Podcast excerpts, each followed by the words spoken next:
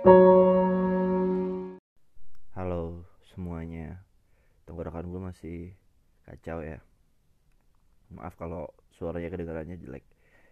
Kali ini gue bakalan ngebahas sesuatu Tentang Politik. Politiknya apa? Akhir-akhir ini tuh rame banget ya Dan makin rame sebenarnya Tentang wacana Jokowi tiga periode. Gokil.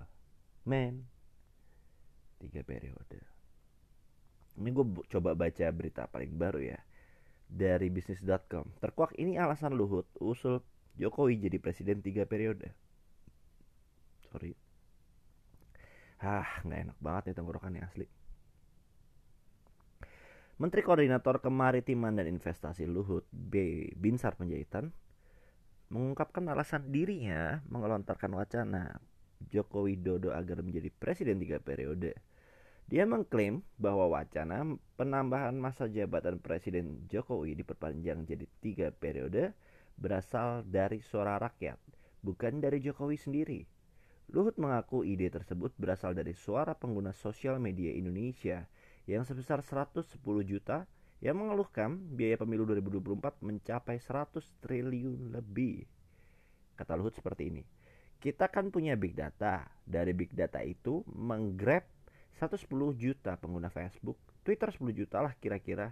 Kalau menengah ke bawah itu pengen tenang, pengen bicaranya ekonomi, tidak pengen denger kampret lah, cebong lah, ujar Luhut di podcast Deddy Corbuzier. Gue tuh agak sebel ya kalau ngeliat kayak kata Luhut di depan gedung MPR, kata Luhut di depan gedung DPR itu masih enak denger ya. Kata Luhut di depan Istana Negara itu masih enak. Di podcast Deddy Corbuzier ini emang zaman sekarang memang ya begitulah ya jurnalistiknya. Karya jurnalistiknya itu suka mengkutip kata-kata seseorang yang setelah dia tampil di suatu acara tertentu yang biasanya platformnya YouTube. Gue tuh kayak selalu selalu kayak dalam hati itu ya kalau sampai kayak gitu tuh ada dua nih. Satu mungkin ya jurnalisnya tidak segerget dulu tidak sesemangat dulu. Yang kedua memang pandemi yang ketiga ini nih gue tambahin satu alasan lagi. Ya pemerintah pusat tidak punya kreativitas untuk bikin platform sebesar podcast jadi Corbusier harusnya malu sih sebenarnya. Nggak perlu nebeng. Sebenarnya cukup bikin satu kanal resmi yang bisa apa ya obrolan menteri-menteri itu dicerna dengan baik. Terus katanya Luhut konstitusi jelas sekarang dua periode. Ya beliau taat tapi ketika rakyat minta ini itu kan DPR berproses, MPR berproses segala macam, terus sampai ke MPR karena situasi seperti tadi. Ya udah, kita tunda dulu, kita tunda dulu deh sehari ungkapnya. Ya. Ada. terus ada lagi. Luhut tentang jabatan Presiden Jokowi ditambah tiga tahun lebih baik katanya dia Hmm, menurut saya akan lebih baik kalau beliau diperpanjang tiga tahun, mungkin sekali akan lebih baik ditambah uh, lebih baik tiga tahun cuman sekali. Gimana sih? Ini ngekutip lagi sih sebenarnya gue malas baca-baca berita sama yang cuman judulnya. Masih ada ya ternyata ya karya jurnalistik yang seperti ini. Terus ada lagi nih wacana presiden tiga periode pengamat usulan oligarki ini ternyata dari bisnis.com gue baca ya. Peneliti dari para sindiket Firdika Rizky Utama mengatakan wacana penambahan masa jabatan Presiden Joko Widodo jadi tiga periode atau penundaan pemilu merupakan usulan oligarki. Aduh. Hmm, tunggu tunggu, tunggu baca lagi. Aduh, batuknya. Seperti diketahui, Wacana penundaan pemilu pertama kali dilontarkan Menteri Bahlil Lahadalia yang mengklaim pengusaha meminta pemilu 2024 diundur. Hal tersebut digulirkan terus-menerus oleh partai koalisi seperti PKB, PAN, Golkar hingga Pak Luhut. nah, kacau. Ya emang wacana tunda pemilu atau tambah masa jabatan melalui amandemen itu idenya oligarki. Bahlil sudah bilang dari Januari itu pengusaha Mau Jokowi tiga periode alasannya kepuasan publik naik, ujar Firdika. Apa sih oligarki ini? Gue ya kita, kita googling ya. Gue juga sambil belajar nih. Gue lupa tuh pernah belajar sih dulu sih. Oligarki artinya oligarki berasal dari bahasa Yunani ya yang yang awal katanya oligarkia adalah bentuk pemerintahan yang kekuasaan politiknya secara efektif dipegang oleh kelompok elit kecil dari masyarakat baik dibedakan menurut kekayaan keluarga atau militer. Hmm. Kalau dari Pak Jokowi ini dibedakan menurut apa ya? Koalisi atau kepentingan kali ya. Tapi tapi kan keluarganya yang internal tidak ada di dalam kepemimpinan beliau ya di menteri juga nggak ada. Gibran wali kota Solo, mantunya wali kota Medan. Hmm, nggak ngerti ya kenapa harus disebut oligarki kayak gini nih. Padahal ya enggak sih. Ya sekelompok orang kecil lah sebenarnya ya. Oke lah kita iakan dulu lah. Karena dianggap kayak kok dia lagi dia lagi kurang lebih kayak gitu. Kepemimpinan oligarki itu kayak memang sistemnya presidensial tapi kayak kerajaan jadi jadi kayak tunjuk langsung gitu.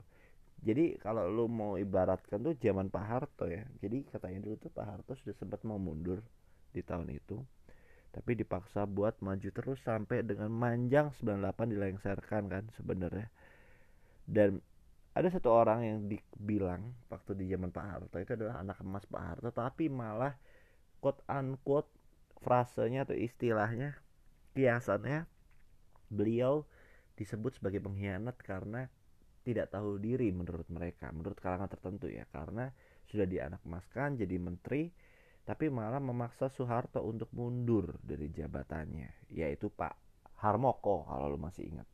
Gue masih masih ingat sih Pak Harmoko. Ini mungkin yang umur-umur kelahiran 2000 itu nggak nggak ngerti kalau Harmoko tuh Pak Harmoko ya gue jangan Harmoko, Harmoko. Beliau ini sudah meninggal anyway buat yang belum tahu ya beliau itu pernah jadi ketua DPR terus ketua MPR juga pernah. Tapi yang paling paling orang kenal tuh Pak Harmoko adalah Menteri Penerangan ya waktu itu. Karena lama banget dari 83 sampai 97 dan beliau yang kayak berkoar-koar kayak mundur mundur mundur gitu. Untuk ke uh, Pak Bung Karno. Ini sekilas tentang Pak Harmoko. Gue baru tahu lagi. Kalau Pak Harmoko meninggal karena COVID-19 damn. Semoga one day beliau ya bisa dijuluki sebagai pahlawan. Maybe. Don't know. Karena Pak Harto aja pahlawan kan? Why not? Lalu yang mau gue bahas lagi adalah tentang tiga periode ini apakah arahnya sama seperti zaman Pak Harto? Pastinya beda ya kalaupun harus terjadi. Kenapa kalau zaman Pak Harto kalau mau sama-sama kita mengingat dengan jelas mayoritas dari semua yang ada dalam kepemimpinan beliau yang duduk berdampingan dengan beliau sebagian besar adalah militer. Itu memang memenuhi prasyarat dari oligarki tadi. Tapi pertanyaan gue adalah kalau Pak Jokowi ya mungkin bisa dibilang ada yang terulang lagi tapi sama begini ya orang Indonesia itu suka salah menilai. Misal nih ada menteri bagus ya. Menteri bagus terus dia ngulang lagi gitu besoknya. Uh, menjabat lagi. Ini bisa dibilang oligarki nggak sih sebenarnya? Gue nggak ngerti. Karena bisa bisa aja menteri tersebut hmm, kinerjanya bagus. Misal Bu Sri Mulyani. Lu masa tega mau mau sebut Bu Sri Mulyani itu adalah bonekanya Pak Jokowi? Jahat tuh kalau lu ngomong gitu. Beliau sampai rela mundur dari jabatan direktur Bank Dunia untuk menjadi Menteri Keuangan Bank eh Menteri Keuangan Bank Menteri Keuangan Republik Indonesia. Dan lu bilang oligarki. Mungkin sentimen itu akan sangat kental ketika masih terulang oleh periode misalkan terulang tiga periode Pak Luhut jadi menteri lagi. Tapi gue pun pun nggak ada nggak ada masalah kalau misalkan ternyata Pak Luhut harus jadi menteri lagi. Kenapa lu bayang nggak kebayang nggak sih jadi Pak Luhut tuh susah? Dia tuh hampir ngerangkep semua jabatan menteri yang lagi kosong. Aduh batuknya enak banget nih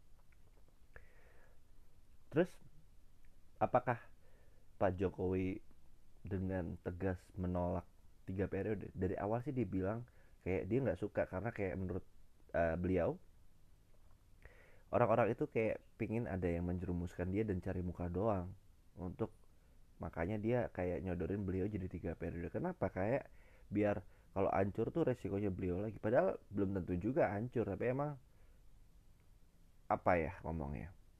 Uh, sentimennya lebih ke arah Jokowi ingin seperti Pak Harto. Sentimennya lebih ke situ sebenarnya.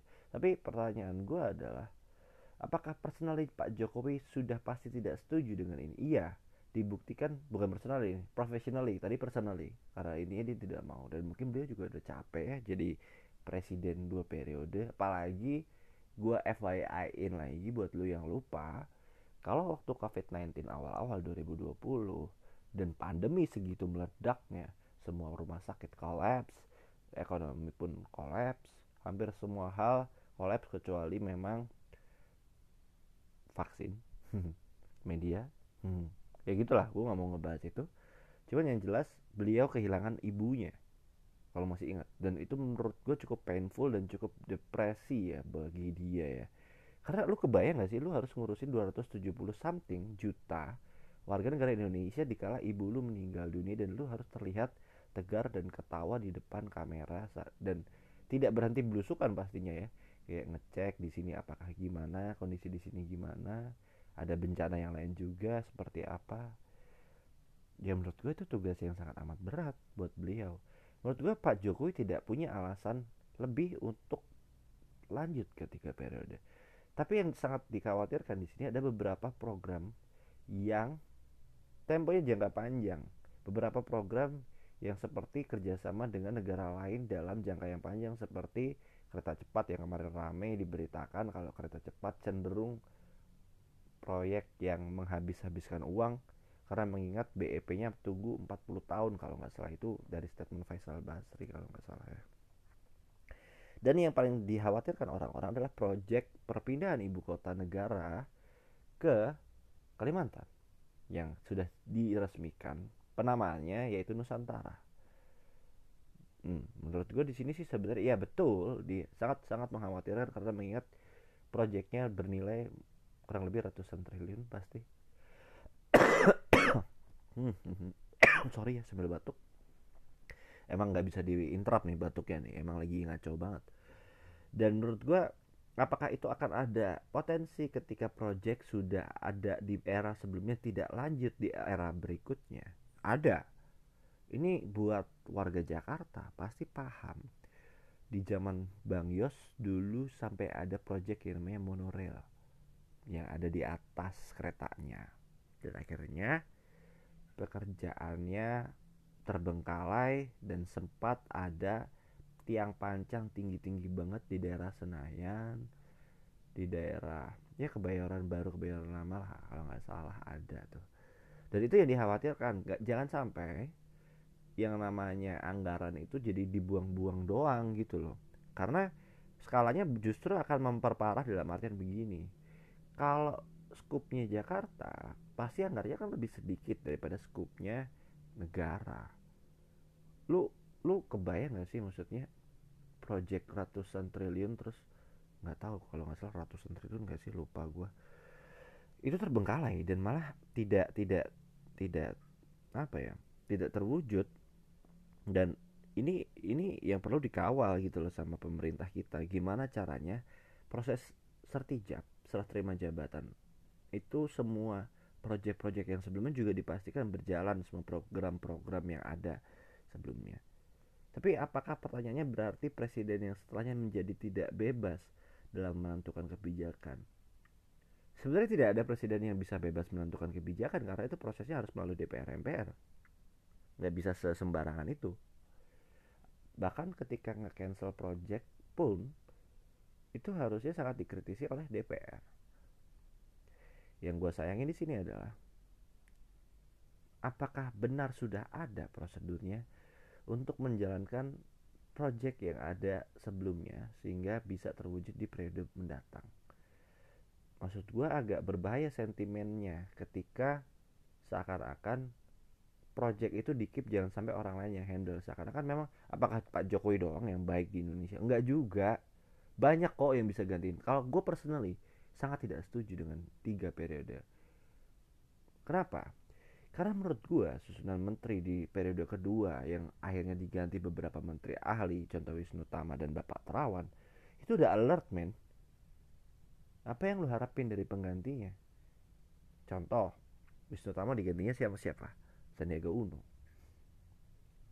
Terus eh Terawan diganti Pak Budi Gunadi Sadikin. Ini gue kasih contoh dua aja gue nggak mau bahas yang lain. Gue nggak mau bahas JHT di sini karena ya udahlah. Udah gue bahas di sebelumnya. Kenapa gue bilang itu mulai ngaco? Ya udah jelas kalau misalkan lu ngeganti Wisnu Tama ke ngeganti Sandiaga Uno itu kan kursi partai. Sandiaga Uno jelas loh Gerindra. Orang nyapres eh nyawa pres nyalon wakil presiden mendampingi Pak Prabowo dikasih kursi menteri pariwisata dan ekonomi kreatif. Apakah beliau bekerja dengan baik? Not so apa ya? Not so delivered that well ya. Not so good sih sebenarnya. Bahasanya gimana sih? Bahasa Inggrisnya? Gue sok-sok Inggris lagi. Intinya yang Paris Fashion Week itu fail loh.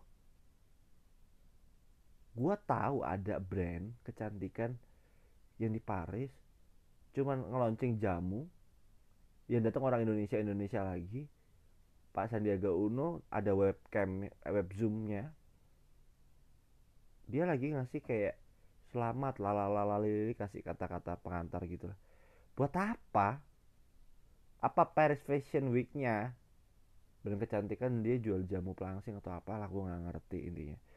Cuman dan setelah Budi, Budi Gunadi Sadikin Beliau tidak bisa juga mendeliver project vaksin merah putih sampai hari ini yang sudah di-create dengan baik menurut gue sama Pak Terawan.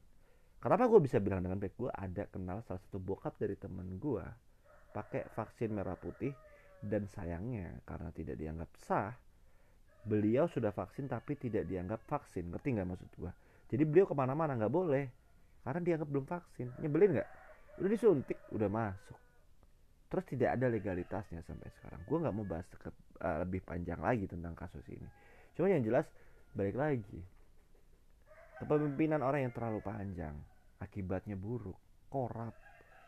Korup itu tidak melulu tentang uang. Mulai dengan ide. Idenya dia juga udah habis. Pak Jokowi itu bukan orang yang gue bisa bilang creator. Dia kurator mungkin kurator menteri-menteri sehingga bisa bekerja dengan baik. Dia bisa memilih menteri-menterinya yang baik siapa. Dan akhir-akhir ini satu-satunya keahlian beliau sudah mulai hilang. Yang dipilih menteri-menteri iya gitu deh. Edi Prabowo ya contohnya. Nggak ngerti gua. Di dua periode banyak yang menurut gua cacat. Dan mungkin ini satu-satunya kefatalan beliau dalam periode kedua ini adalah revolusi mental yang menurut gue tidak ada revolusi sama sekali Kenapa? Karena harusnya ketika ada pandemi, gue sangat concern yang namanya work from home. Benar-benar dibuatkan aturannya oleh Menteri Ketenaga Kerjaan sehingga orang bisa yang namanya kesempatan kerja itu spread out di seluruh wilayah Indonesia tidak cuma di Jakarta karena kantornya di Jakarta tapi bisa bekerja dari mana pun. Dari Kalimantan dari Sulawesi dari Papua bahkan dari NTT NTB tapi faktanya tidak ada. Yang dibikin apa malah? JHT hanya bisa diambil umur 56 tapi untungnya dia tobat di cancel. Tapi kadangnya juga netizen brengsek masih dibilang menteri pelinca pelince gitu gitulah. Kayak print plan nggak ngerti gue tapi ya itu salah tapi memang kebijakan itu dari awal. Dan gue dalam akhir podcast ini gue cuma mau bilang Pak Jokowi udah istirahat mainan sama cucu aja ya masih ada Gibran. Biarin Gibran aja yang lanjutin. Mungkin segitu dulu ya pendapat gua tentang Jokowi tiga periode. Semoga bapak sudah cukup puas. Saatnya generasi selanjutnya yang berkarya dengan solusi yang mungkin lebih baik dari yang pernah bapak buat sebelumnya dan pernah bapak implementasikan. See you semuanya stay safe. Gua nggak ngerti apalagi akhir-akhir ini juga. Ya memang tidak ada swab dan mempermudah penerbangan. Tapi gue nggak apa-apa nggak ada swab. Tapi prokesnya tolong dong pesawat duduknya jangan sebelah sebelahan banget. Ini kan udah tidak ada swab kalau untuk yang dua kali vaksin dan lebih ya. Kayak booster juga tidak perlu swab. Tapi ya tolong lah tolong dibantu. Ya sudah gitu loh. Dimahalin juga nggak apa-apa tuh pesawat. Yang lainnya kereta gitu loh diaturlah begitu-begitu. Mungkin segitu dulu ya. See you semuanya. Bye bye